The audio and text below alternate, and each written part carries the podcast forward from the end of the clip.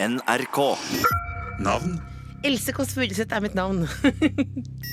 yrke, Eh, Medmenneske, komiker slash programleder. sivilstand. Mellom forhold. Skal slutte med Mm, Snakke om meg selv. Jeg er klar. Du er klar? Teknikeren er er klar. Dette er da for å si det, et konsept som går som en kule i Belgia. Og som du sier, selv statsministeren sier ja. Og da tenker du sånn. Dette burde være starten på podkasten. Dette er et konsept som går som en kule i Belgia. Selv statsministeren sier ja. Ja, og du tenkte- har jo med mange ark. Ja, Så det er jo bare å få den bindersen opp. Vent et lite øyeblikk. Så statsministeren har sagt ja i Belgia. I Belgia. Nå kjører vi. Uh, Else Kåss Furuseth. Altså, du er jo bare 38 år, Else, men du har liksom rukket å bli hele Norges Else. Jeg, jeg slenger på resten av Norden nå. Du er veldig sånn elskelig. Folk elsker deg. Tusen takk. Ja. Ble det for mye? Nei, Jeg følte det var som et frieri, på en måte. Og så sa du bare 38 år.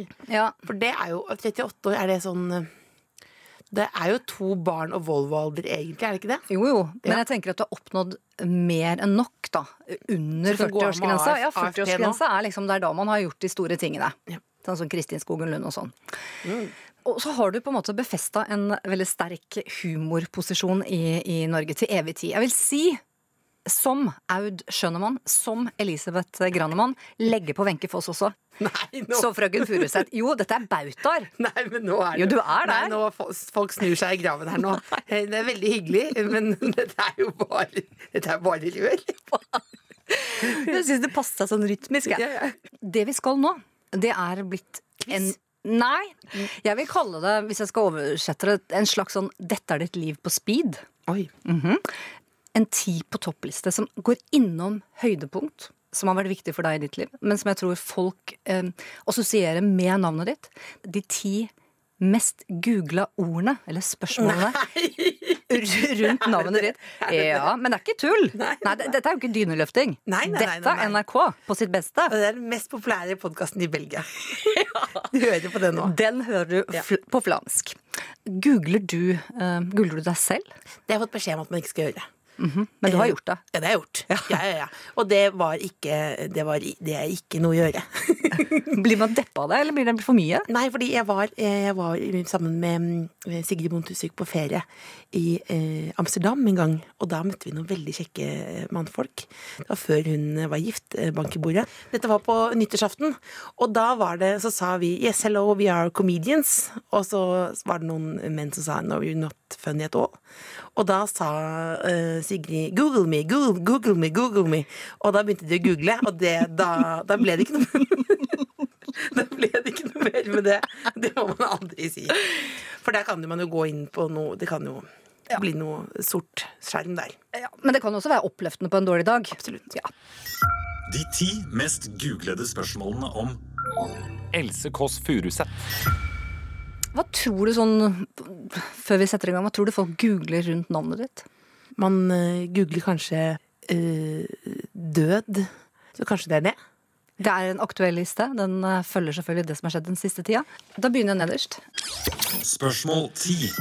Else Kåss Furuseth, TV-serie 'Selvmord'. 10. september på verdensdagen for selvmordsforebygging så hadde du ikke bare åpent hus, 400 mennesker som kom, stat 800. Jeg er ikke så opptatt av det, men det var- 800 mennesker inn i leiligheten! Ja, for litt naboene sa det var 400, men det var 800. 800. Det var artister, og det var statsministeren. Du satt dagsorden, og det gjorde du i fire dager, Else Kåss Furuseth, eh, om et tabubelagt tema. I den sammenheng så ble det altså en TV-serie, en dokumentarserie. Det var jo, eh, prøvde jo, eh, som fatteren har sagt til meg, var med å, å snu iPhone-kameraet litt utover. Og her møter vi jo da rett og slett folk som har jo, Det er eh, etterlatte, men det er også folk som er da overlevende, hvis det er riktig ord.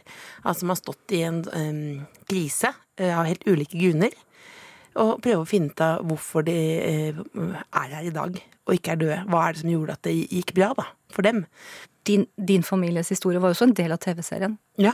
Du var 11 når moren din døde, og 28 når storebror døde. Hva har dere gjort for at dere tenker at nei, vet du hva, hemmelig skal det ikke være? Du, det er ikke et så veldig bevisst valg eh, fra min side. Sett veldig mye pappa fortelle om dette til andre. Alle, nesten alle er enige om at det skal vi gjøre.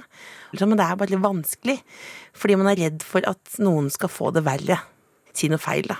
Og det alle sier i den serien, er vel at, at det blir bedre av å dele det med andre, da. Og at man ikke i tillegg til eh, savnet etter de som er borte, skulle liksom dømme seg selv, da. Ja, så altså på det tiende spørsmålet som folk googler rundt navnet ditt, Else, og det er altså TV-serien og, og selvmord. Uh, hvor mye uh, ved det etiske diskuterte dere hjemme? Moren din ønsket jo, når hun levde, å holde sykdommen skjult. Mm. Uh, levde et slags dobbeltliv. Hvordan tror du hun ville opplevd at selv statsministeren visste nå at hun tok selvmord? At, at hele Norge, at det ble vist på TV? Var det noen, noe dere snakka om? Jeg er jo aller først misforstår meg rett, uh, mamma, holdt jeg på å si, er jo at ikke noen andre skal få det verre, som er i live. Uh, så jeg er opptatt av å snakke med forskere om hvordan vi skal snakke om at metodikk skal omtales. Opptatt av å snakke med uh, journalister, altså hvordan skal man gjøre dette riktig. Og så er jo hun, var en dame fra eh, Tønsberg, som eh, Morten Ramm kaller for Nordens Miami. Altså opptatt av at det skal være litt flott, hadde veldig høy, høyt hår. Så jeg tror at Erna Solberg var der, hadde nok vært såpass stas at da var det greit at den hemmeligheten kom ut. Jeg ville bare spørre. Spørsmål 9. Kondolerer. Ja. Forestillingen din Kondolerer, som altså hadde utpremiere på Torshov-teatret i 2011, så på Amfiscenen, så på Hovedscenen, vært rundt i Norge på turné, og blir tildelt for denne forestillingen Wenche Foss ærespris i 2012. Det er jo koselig. Nå tok jeg en liten slurk. Koste meg. Det er jo veldig, det er jo veldig rart. Det er jo, dette er jo som en Føler jo at jeg er 85 år gammel. Det er det jeg som er! Det er det er jo, det er jo sånn- slutten ennå. Det går gjennom, det gjennom sånn. Du har jo andre i denne podkastserien også, ikke sant? Som har litt mer levd liv. Som har mann og barn og litt sånn Kondolerer, som er et upersonlig, høflig ord. Tabukomedie. Det er jo veldig mange som ikke liker det ordet. Men er det ikke et litt deilig ord også? Jeg ser på det litt som en krykke, hvis jeg skal være helt ærlig. For man vet jo aldri hva man skal si. Altså, føle med deg, tenke på deg. Alt er sant, liksom. Så jeg tenker på at det er sånn Akkurat som du bare Å, jeg vet ikke hva jeg skal lage til middag, jeg bare tar pølse fra skjell, liksom. Altså, å, kondolerer. Altså, kan det jo på en måte ikke bli så mye verre, da.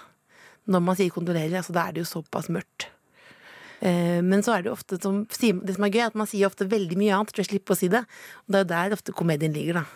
Du mister moren din når du er 11, du mister broren din når du er 28, mm. og du setter opp en forestilling som heter Kondolerer. Var det også litt for å ta regien på denne historien og på eierskapet på det? Ja, Den, den historien har jeg eid eh, hele tiden, og det var, dette var jo ingen som ba meg om å gjøre det. Og jeg kunne jo, kunne jo fint uh, levd et uh, godt liv uten å snakke Hvorfor om, gjorde du det? om det. Nei, det var fordi at det, vi snakket jo, var jo veldig opptatt av det her. Snakket masse om det hjemme.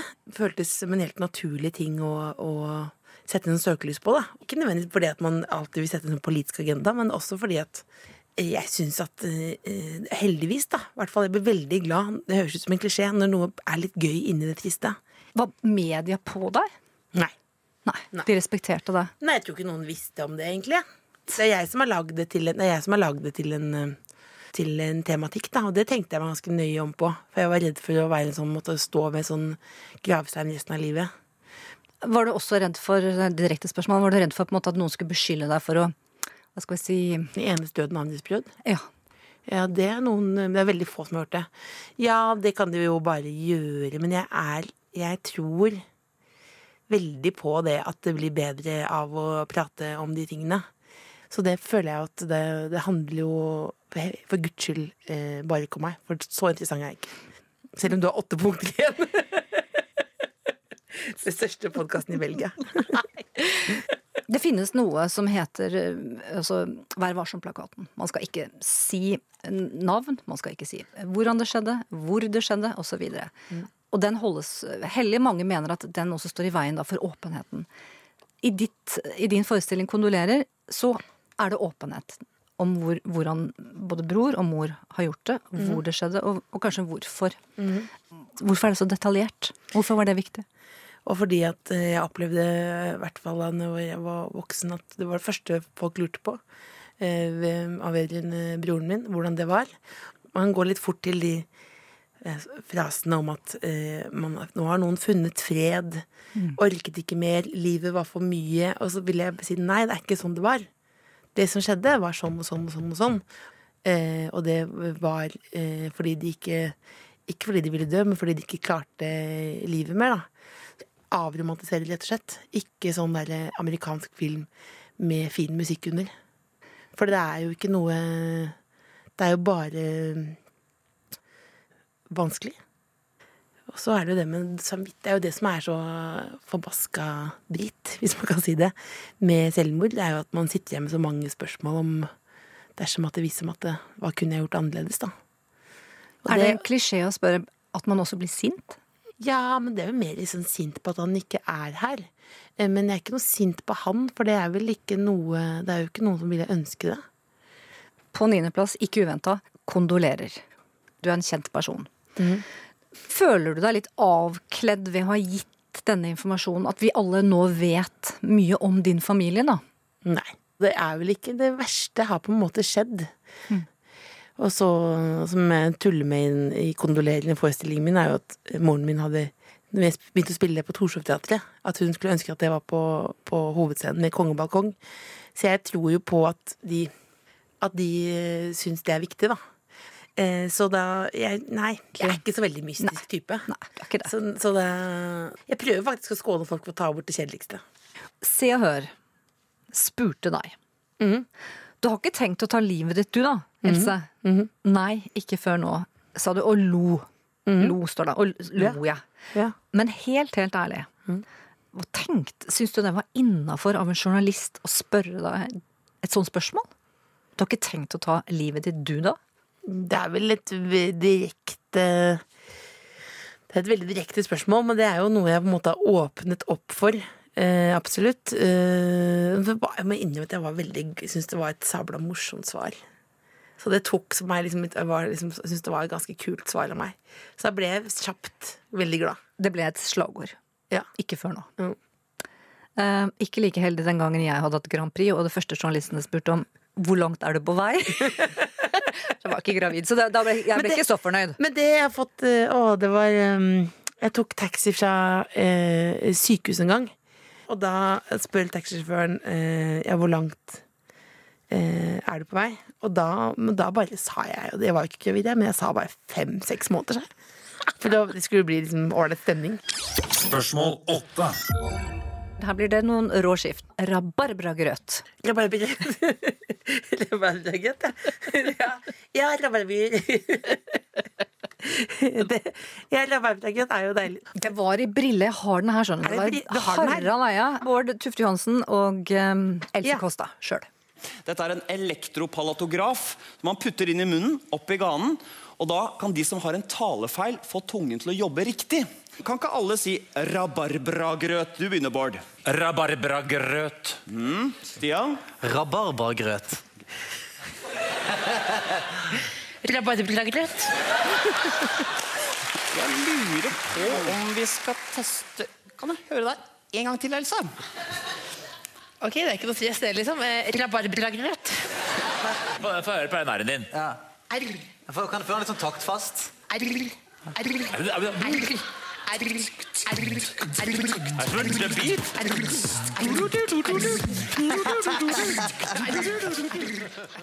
det er noe eget med beatboxing. Det kunne også minne om si, en påhengsmotor. Absolutt. Litt lite olje. Absolutt. Men du er veldig heldig. Du har altså sånn Marilyn Monroe, hun hadde jo sitt uh, sjarm... Ja, ja.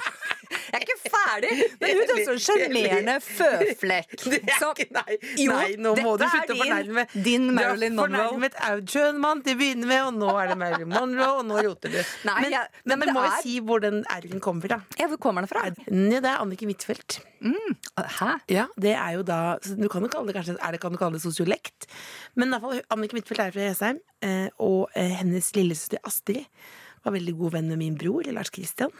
Og da er det den, den R-en eh, smittet gjennom der. Og jeg tror Anniken Huitfeldt hadde kanskje en eh, dagmamma eller sånt noe fra, fra Vestlandet et sted. Så der er det den kommer fra. Så der, Fra au pair?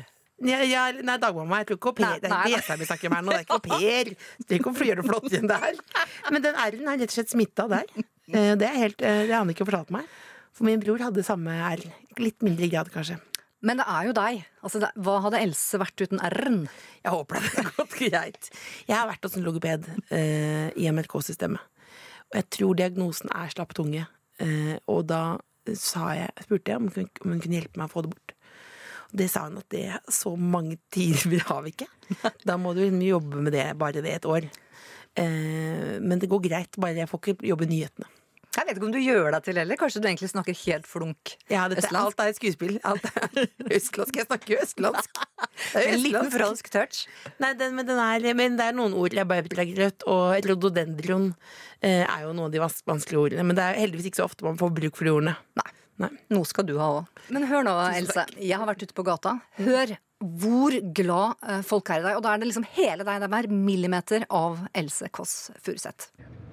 Og hun er humordronninga vår. Hun er sjukt morsom, da. Hun har jo vært igjennom noen tragedier i familien. Både en bror og en mor som har tatt livet av seg. Og at hun kan eh, Hun tøyser jo med det. Det er gripende, egentlig. Hun er modig. Hun er veldig modig. Hun er sånn du kan få litt mye av noen ganger, syns jeg. da. Jeg er litt nok av henne noen ganger. Hun er ikke for grov, da. Nei, nei, hun kan, hun kan bare gi gass, hun. Else Kåss Furuseth, det er kremen av kremen. Oi! Hun er bra. Ja. Altså, vi ler jo, men så, det jeg kjenner, er at jeg blir litt rørt òg. Det var veldig koselig. Ja, men er det det? Ja, det følte jo at, som at du sa at jeg var 38. Jeg følte jeg ble 50 nå, jeg. Det var veldig koselig. Men var det? Ja, absolutt. Du betyr mye for Du folk. sa at du hadde sagt Du putta inn, i hørte du sa modig. Det var det du som sa.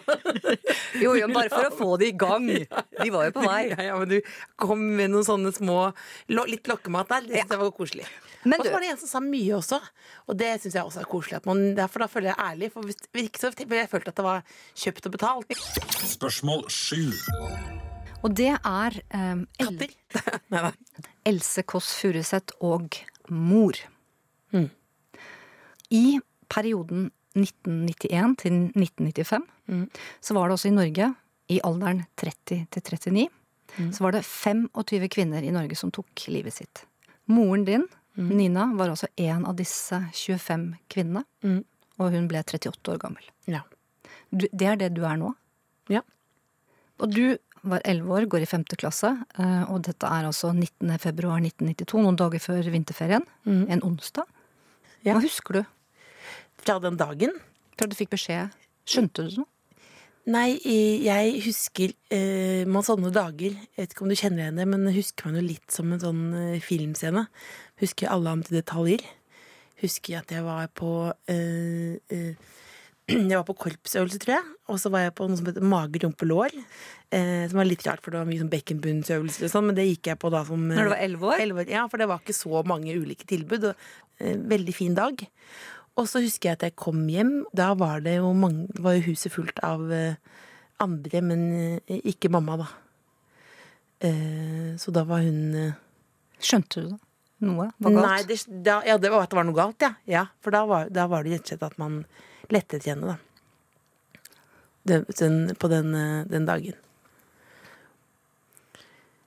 Ja, da var det sånn at Prøvde å, å finne svar, da. Ja, jeg hadde, nei, jeg hadde en, en ballong eh, som jeg skrev ja, som jeg hadde inni klesskapet mitt i mange år. Det sto bare 'Mamma, jeg elsker deg'. Så var vel et sånt sånn ja, lang periode hvor jeg prøvde liksom egentlig å kalle den tilbake. Jeg husker jo barndommen min så veldig fin. Så det var nettopp det som var så eh, en motsetning, da. Altså, mamma er veldig viktig, og hun, hun eh, savner jeg, og jeg føler meg veldig lik henne også.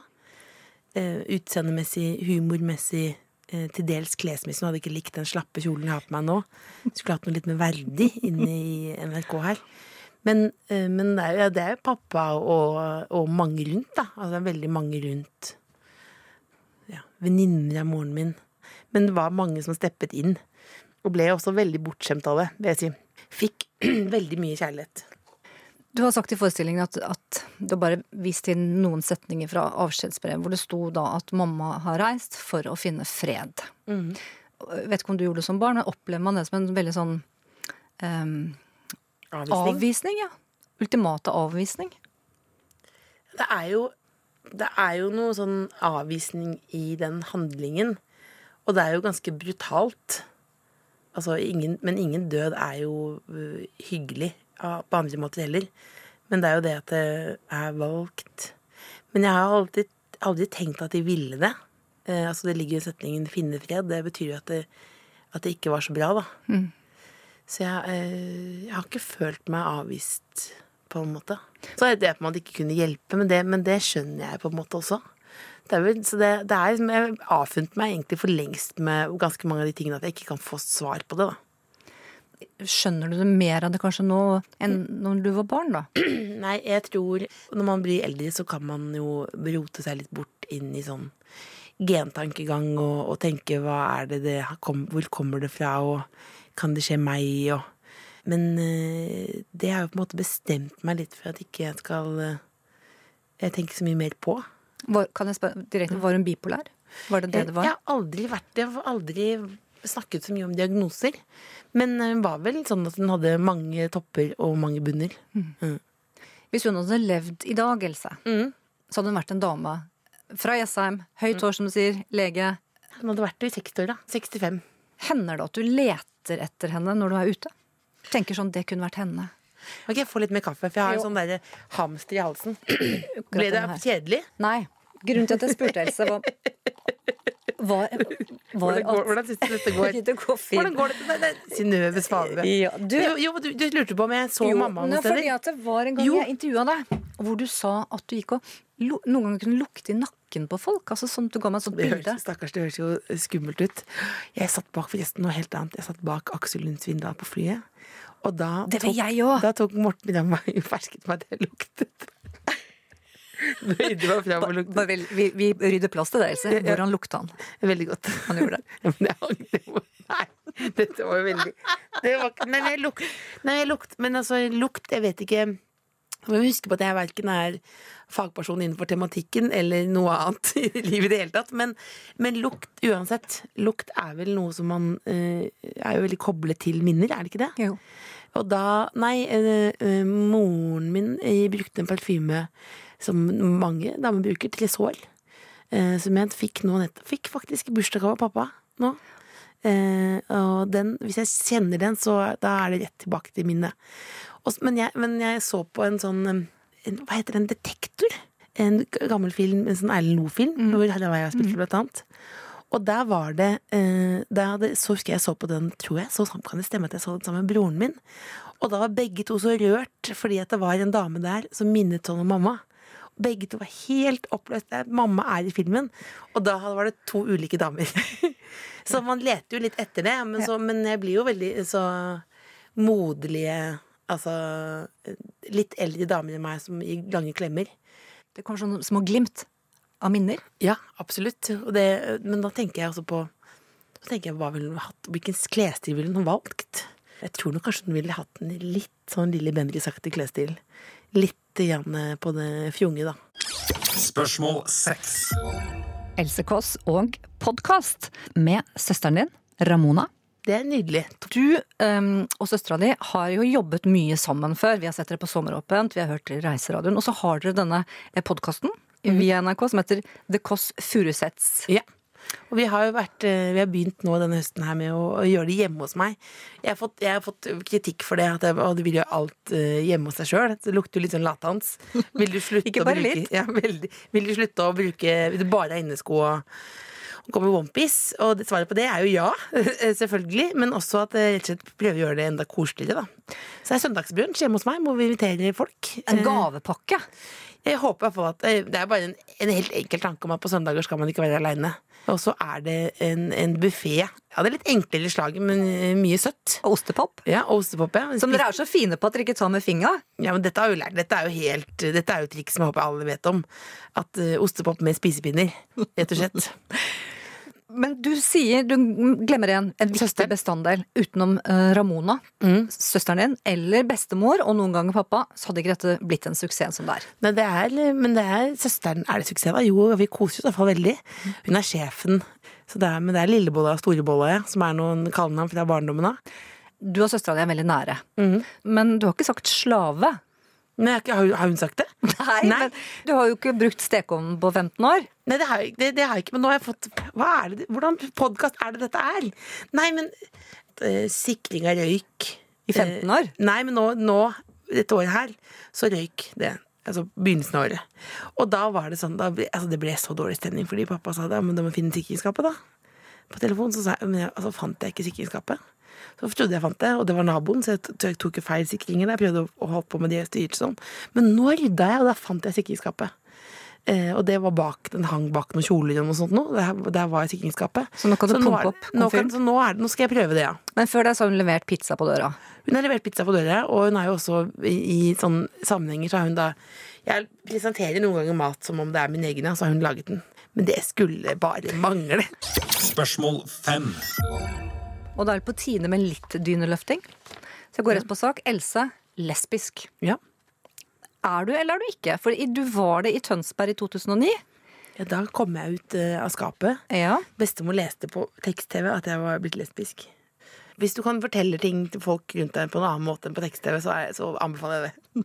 Samtidig som inntil syns det var litt stas også. Det var jo liksom, det ble overskrifter. Ja. Nei, det var, det var jo en, jeg hadde, det var et sånt eh, Blymandagsshow som er sammen med, med en vennegjeng, som var i Tønsberg. Så da hadde jeg et sånt standup-nummer da, hvor jeg fortalte at jeg hadde fått en jentekjæreste. Men spørsmålet ditt, for jeg ser du er misfornøyd nå, for du har sånn Ole Torp-aktig blikk. Jeg lurer på hva er jeg er for noe? Ja, for du har jo så senere sagt, etter å ha vært singel på syvende år, jeg vet ikke om det er fordi ikke det funka, da, at du ikke hadde det så veldig droge, unnskyld, eh, at du nå drømmer om mann og skjegg. Eller ikke du skjegg, men han skjegg. Ja, men jeg jeg vet ikke helt hva jeg drømmer om, jeg, men jeg vet ikke helt hva jeg er for noe heller. Uh, men jeg var, var veldig uh, forelsket og sammen med da ekskjæresten min i, i flere år. Uh, det var en jente. Og så har jeg ikke blitt forelsket i noen andre jenter. Så da, hva er, men hva er jeg da? Da er du singel. Da er jeg singel, ja. Ja. Ja. Men, sånn, hvorfor har du så trist blikk nå? Du har tristere blikk nå enn da vi snakket om at moren min er død. Ja, men jeg vil deg jo bare Jeg vil jo at Jeg du har det bra. ja, Du har jo ikke tid til å ha kjæreste. fire pluss er jeg nå generelt. Jo, nei, jeg vet ikke, men, jeg, men det der med legning syns jeg er litt vanskelig å vite hva som man er. Men det er, men det er vel da Jeg vet ikke helt hva jeg føler meg. Nei. Sikkert noen som hører på denne podkasten som blir litt skuffa, for de vil jo gjerne vite er det gutter eller er det jenter, så er det liksom kjør på for de. Men jeg, jeg, liker, jeg var jo veldig Jeg blir jo fort sånn uh, forelska. Eh, og da har jeg vært forelsket i veldig mange menn. Eh, og så jeg var jeg veldig forelsket i ekskjæresten min, som var en jente. Eh, det, er, det, er, det er vel den tekniske Jeg syns det er vanskelig å svare på, men hvis det er kvitt eller dobbelt, da. Hvis det er kvitt eller dobbelt, så er det bifil, da, som er ordet, da. Ja. Er det ikke det? Ja. Men jeg vil ikke såre noen. Er noen såret nå? Nei, jeg føler Er det- ikke meg er såret. veldig- Nei, ja, og jeg tenker hver gang jeg ser deg, så tenker jeg sånn jeg, altså, Hvis jeg hadde hatt et gen i meg til å bli lesbisk, Så hadde du? så hadde det vært deg. Nei, herregud, så den, koselig. skal- den. Men hva- Den river jeg i. Men, Å, herregud. Men jeg må bare spørre deg om noe. Fordi ifølge forskning eh, så kan eh, etterlatte som har opplevd selvmord i nær familie, oppleve at de har problemer med sånn tilknytning. Få folk nær fordi de er redd for å miste igjen. Er det redd for nærhet? Åh, det- fader, er du psykolog, eller? Har du, du tatt psykolog i grunnfag? Nei, jeg tror i hvert fall at man i en sånn periode ikke er så lett å være sammen med.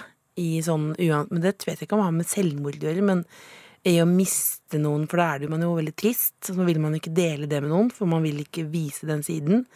Og da tenker man at det er på en måte ikke det man setter øverst i bioen, eller på Tinder, liksom. Nei, Hei, ja. jeg er ganske deppa, bare si, men vil gjerne ta en kaffe med meg, liksom. Men, men hva, om, jeg, om det er noen tilknytnings... Ja, det kan være, men det har jeg ikke så god oversikt over, altså. Nei. Hva tror du?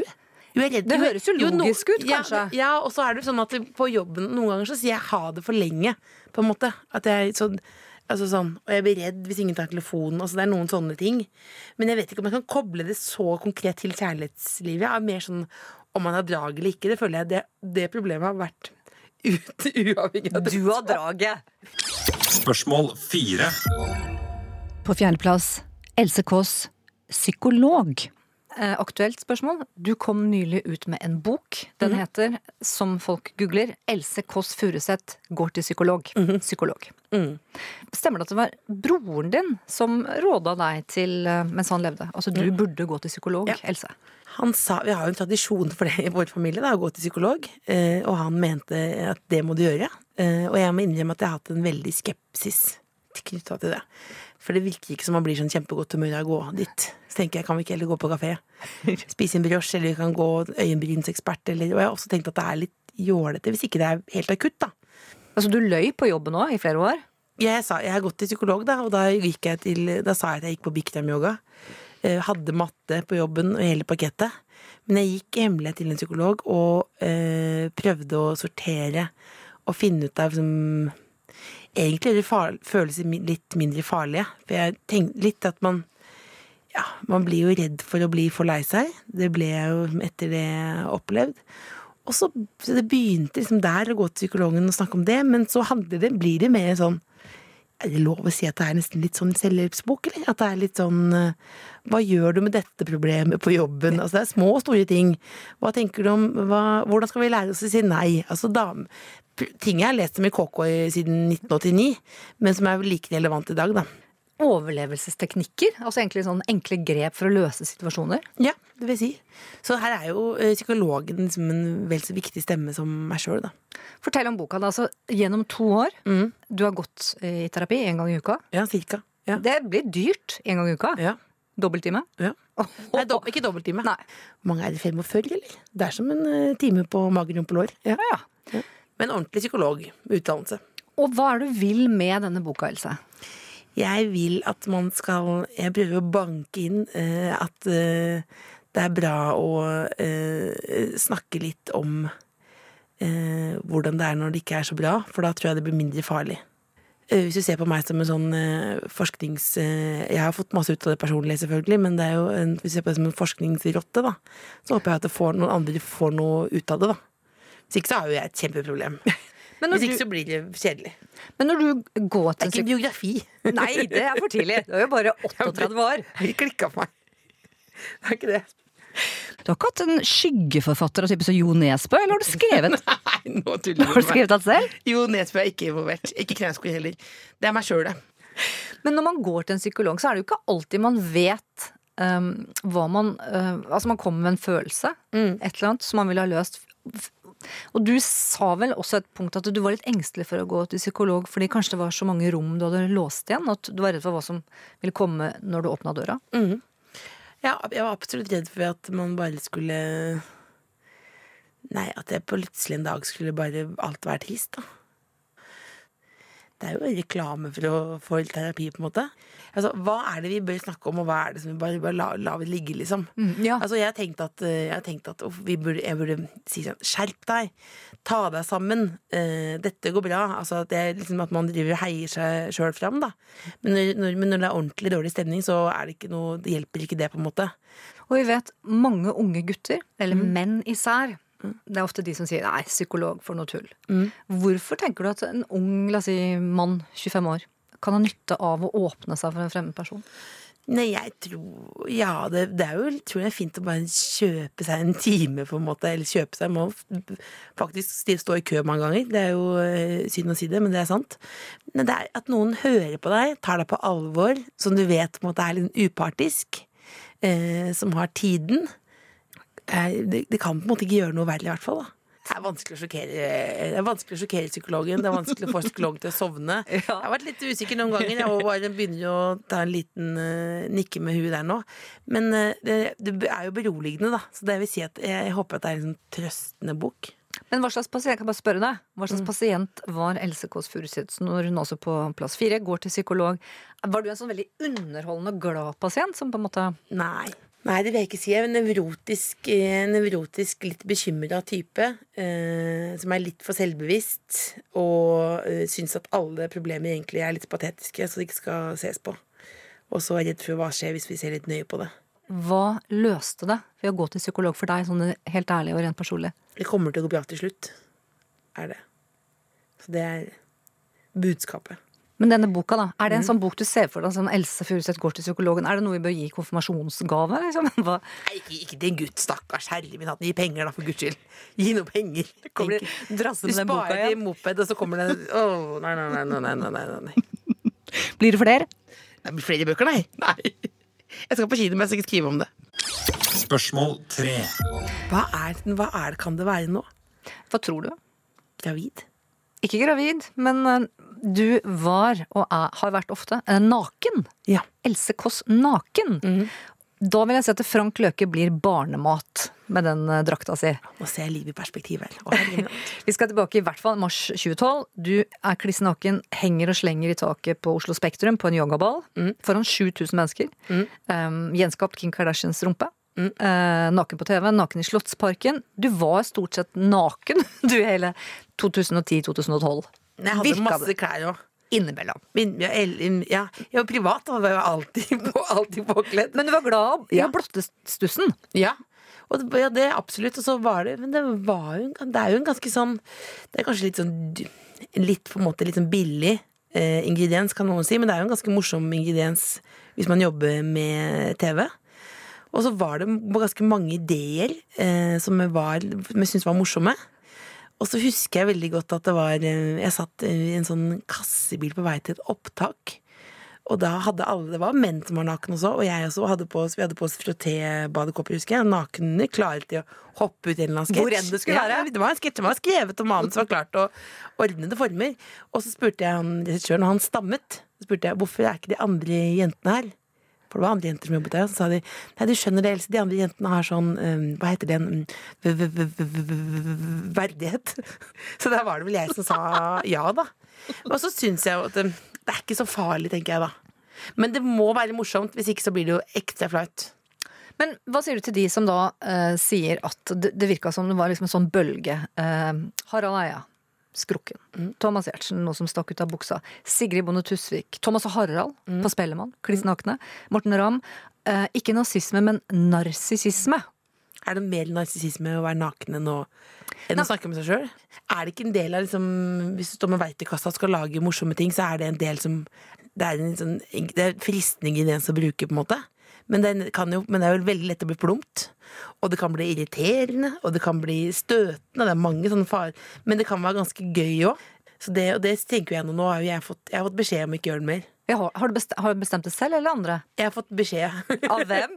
Nei, det var en sjef som sa vel Og det var så flaut, for da virket det at jeg, at jeg hadde liksom stått og banket på døren og sagt sånn Jeg vil gjerne være mer naken. Men det var jo alltid en eller annen idé som kom, enten fra meg eller andre. Og jeg følte at de var et sånt sånn humorgruppe hvor det på en måte var dukket opp ganske ofte, da. Så det er jo avhengig av ideen, da. Ja. Er det ikke det? Jo.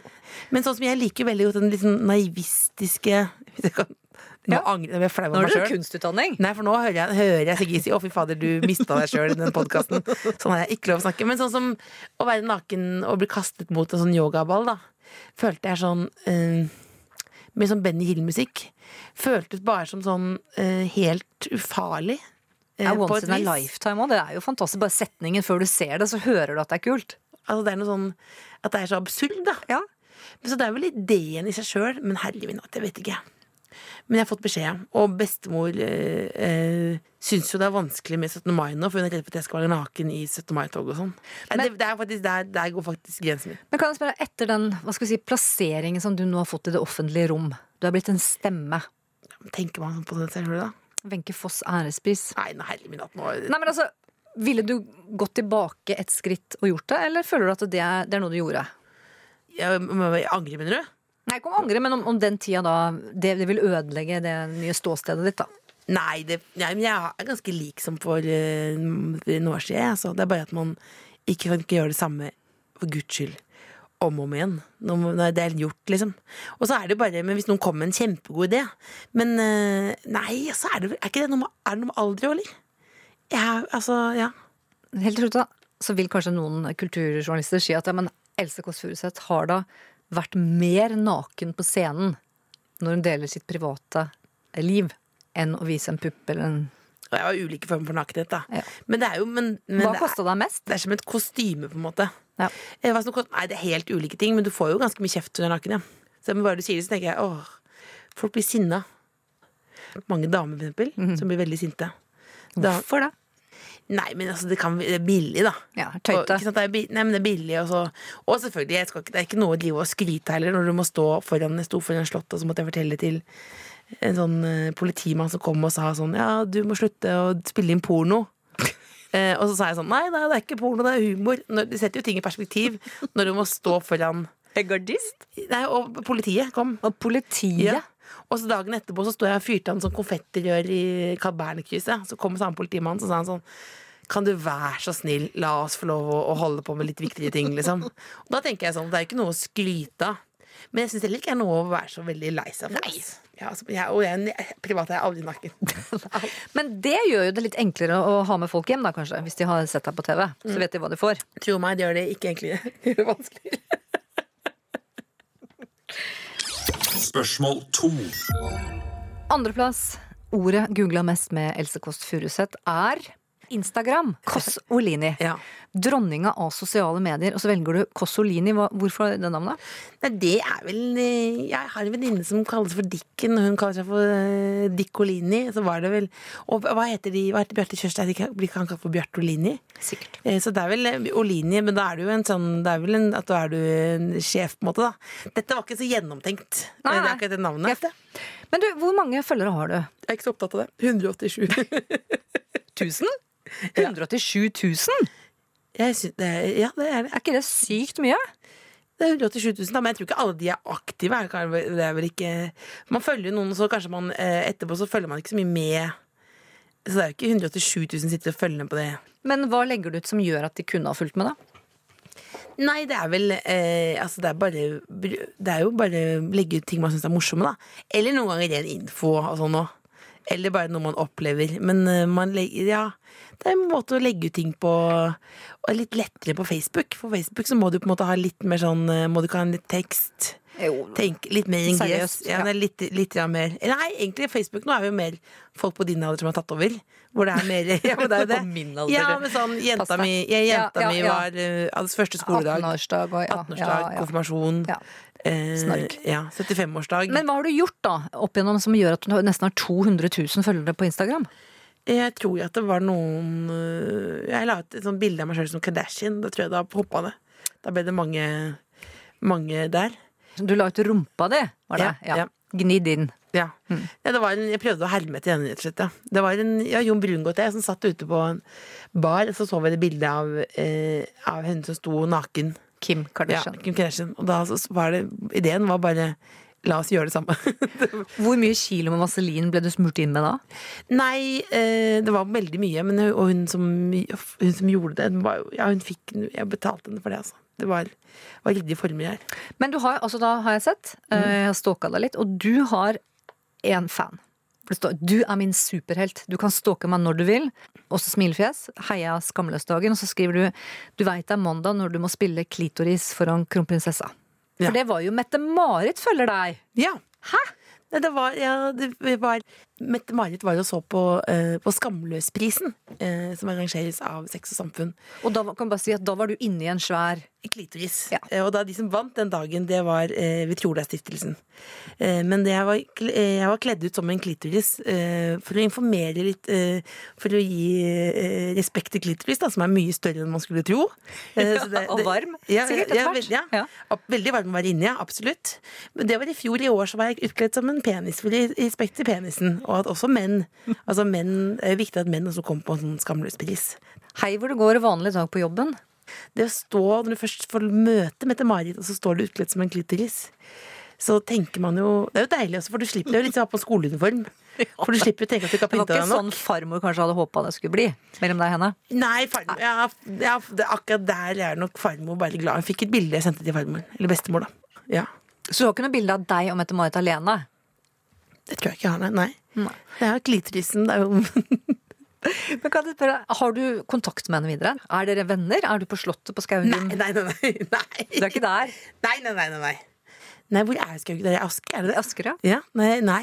De har vært uh, Mette-Marit og Håkon Magnus De kommer jo og ser på noen forestillinger på Nationaltheatret. Og da kom de og så på kondolerer. da ble jeg altså så glad. Så jeg fant frem jeg stjal en sånn magnumflaske der, og skjenket på og ville at de skulle være, være lenge bak scenen der, da. Og så sa de veldig høflig at eh, ja, nå må vi gå fordi vi eh, Ja, vi måtte gå. Og så, vi må gå. og så sa jeg sånn Ja, det er fordi det er sikkert er så dyrt med parkering her ute.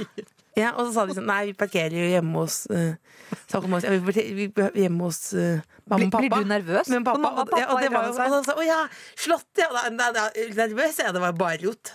Jeg blir nervøs bare å prate om det Blir nå. Klei. Blir du sånn etterpå da og tenker bare 'hva sa jeg', hva sa jeg'? Men jeg er veldig glad i kjente folk. Når kronprinsparet da velger å gå og se, som du gjorde da din forestilling Kondolerer, får du vite om det på forhånd at nå sitter vi i salen? Jeg tror de går og ser på ganske mye på Nationaltheatret. Jeg får vite om det. Du får vite. Blir du nervøs av det? Jeg har sagt en- ekstra tydelig. Else Kåss står på mange bein. Teater, scene, TV, eventer, Instagram. Har du rådgiver? Har du, har du liksom sånn Jo, men du er jo blitt et sånn stort varemerke, Nei, big du- business. Coca-Cola, Else Kåss, Cosolini. Har du liksom en hel haug som sitter og jobber? Se. Nei, jeg har en manager som hjelper meg å svare på ting og sånn. Ja, og så er det en sånn, er det en sånn kompis som hjelper meg noen ganger med sånn å sette sammen to bilder som er teknisk veldig svak. Rett og slett. Eh, og så er det søsteren min som hjelper meg med å lage middag innimellom. Da, det er, kan det kalles en stab, eller? Men, men nå tenker jeg, nå har renta gått opp. Ja. Er det sånn som stresser deg, eller har du da noen som styrer med økonomi nå? Nei, ja. Med en gang du sier sånn, så sovner jeg nesten. Nei, nei, ja, pappa, jeg spør pappa Ikke sånn som faren til Britney Spears, som tok over som en verge. sånn Nei, er det ikke. nei, nei. Men jeg spør pappa om råd, ja. Litt under administrasjon? Ja. Litt, litt? Ja. Men jeg, tjen- jeg, jeg leste i eller var det Dagens Næringsliv jeg tjente dårligere nå enn før. Og det er fordi jeg, eh, jeg har glemt å sende ut faktura. Så jeg er, rot, jeg, er rot, jeg er veldig rotete type. Spørsmål 1. Vi er nå på siste. Ja, må, det blir for mye prat om meg sjøl her nå. Nei. Du kan, bytte, du kan dele det opp i, sånn- i sånne små tapasbiter. For jeg har hørt en venninne som sa til meg at jeg er som Fernet. Ja, at det er best i små doser. Som en liten shot. Mm, og hvis man tar alle ti, da blir, kan bli kvalm. er du gæren, da tar hun. Og nå er vi på toppen. Mm. Hva tror du av det vi har snakket om? Og hva, hva er det du savner på lista? Hva tenker du at folk forbinder mest med navnet ditt, eller har vært mest interessert i den siste tida? Nei, nå er det forestilling, og så er det eh, det, det er jo det jeg driver med i- jobben, da. Som det, hva annet da kan det være, da? Det kan selvfølgelig være et helt rungende gratulerer. Ja! Det aller mest googlede spørsmålet er Nummer én. Ja. Else Kåss, gratulerer. Ja. Og du, det er jo en, en, en positiv forestilling om hvordan man tar seg videre Ja. i livet. Ikke sant? Og en slags hyllest til livet å leve. ja. Altså, det ser ut som jeg er blitt noe sånt som står på en kopp, men det er sånn at det går greit. Så uansett hvor ræva du er, eh, så går det greit. Så det, og det er jo veldig 2018 å si, men det handler om å elske seg sjøl, da. Eh, rett og slett. Det er en forestilling som jeg har holdt på med nå, ja. Fordi du sier altså uh, du er god nok som du er, selv om uh, du er ganske ræva innimellom. Men føler du, Else Kåss Furuseth, deg noen gang ræva? Ja, det vil jeg si. Du som er så vellykka. Nei, ja, det er veldig koselig. Jeg føler meg veldig heldig og privilegert og så, Men ja, jeg, jeg, jeg, jeg føler meg ræva, ja. ja. Det. Gjør ikke du det? Jo. Altså, det er liksom eh, Ja. Ja, ofte er det ofte er det fysiske ting. At jeg rett og slett fysisk snubler. Altså, jeg er en sånn Jeg har veldig sånn blåmerker alltid. Klønete type. Eh, og så er vi ikke får til ting.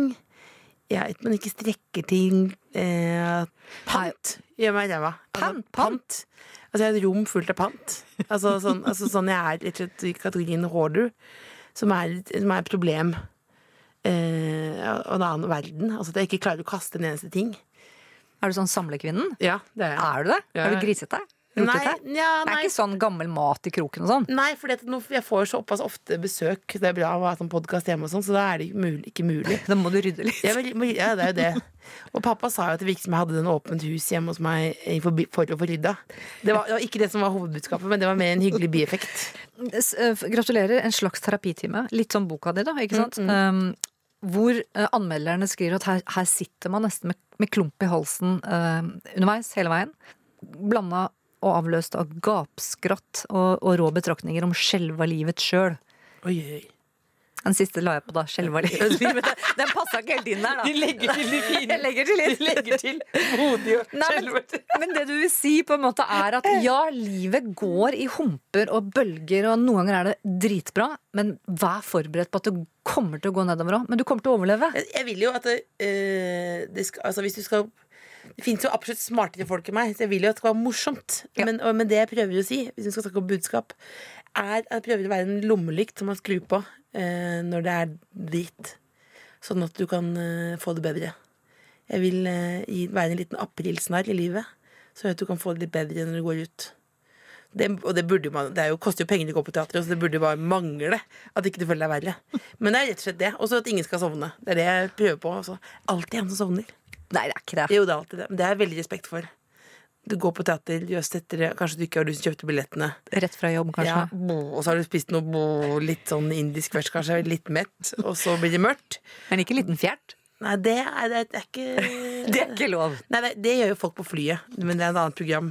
Nei, men det er alltid noen som sovner, så jeg prøver å ja, få folk glade. Og syns det er gøy sjøl, da.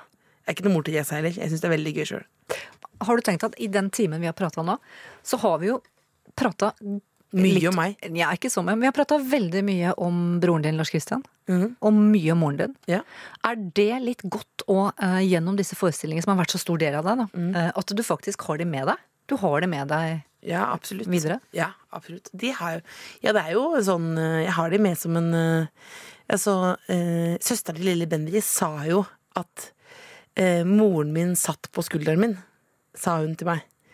Eh, og at hun hadde en beskjed til meg. Og så lurte jeg på hva er det for noe? Hva er det for noe? Og så sa hun eh, moren din sier stå på. Og da ble jeg så innmari skuffa. Jeg følte at Hvis du først tar deg det bryet om å være komme tilbake som gjenferd, så må det være mulig å gi en bedre beskjed enn stå på, da. Men det, men det er jo veldig Jeg føler absolutt at jeg har de med meg, ja. ja. Da må jeg spørre. Etter kondolerer, etter gratulerer. Mm. Kommer det mer? Ja, det blir vel noe mer eh, gratulerer, ja. Det blir det. Eh, og så blir vi laget noe et annet etter hvert, da. Reparerer eller noe. Da blir det noe helt annet. Hva skal, Hvilket tema skal vi ta da? Da blir det ja, Da blir det plate. Det har du ikke gjort ennå, har du det? Nei, det skal vi slippe. Gleder meg allerede. Nei, nei, planene for 2019 er at jeg skal på turné med forestillingen min Gratulerer rundt om i Norge eh, til våren. Det, det, det, det, er det som er planen. Ja. Det er, det, er ikke det god nok plan? Da? Jo, men i ditt univers et hvilår. Nei, nei, det er det ikke. Altså, jeg, skal, jeg skal spise nøtter på backstage i hele Norges land. Så skal du jo, som dere rikingene sier, vi skal jo få tid til å bruke penga òg. Det, er, det er ingen som sier det. Synnøve. Da sier jeg bare god jul, jeg, Else. God jul. NRK.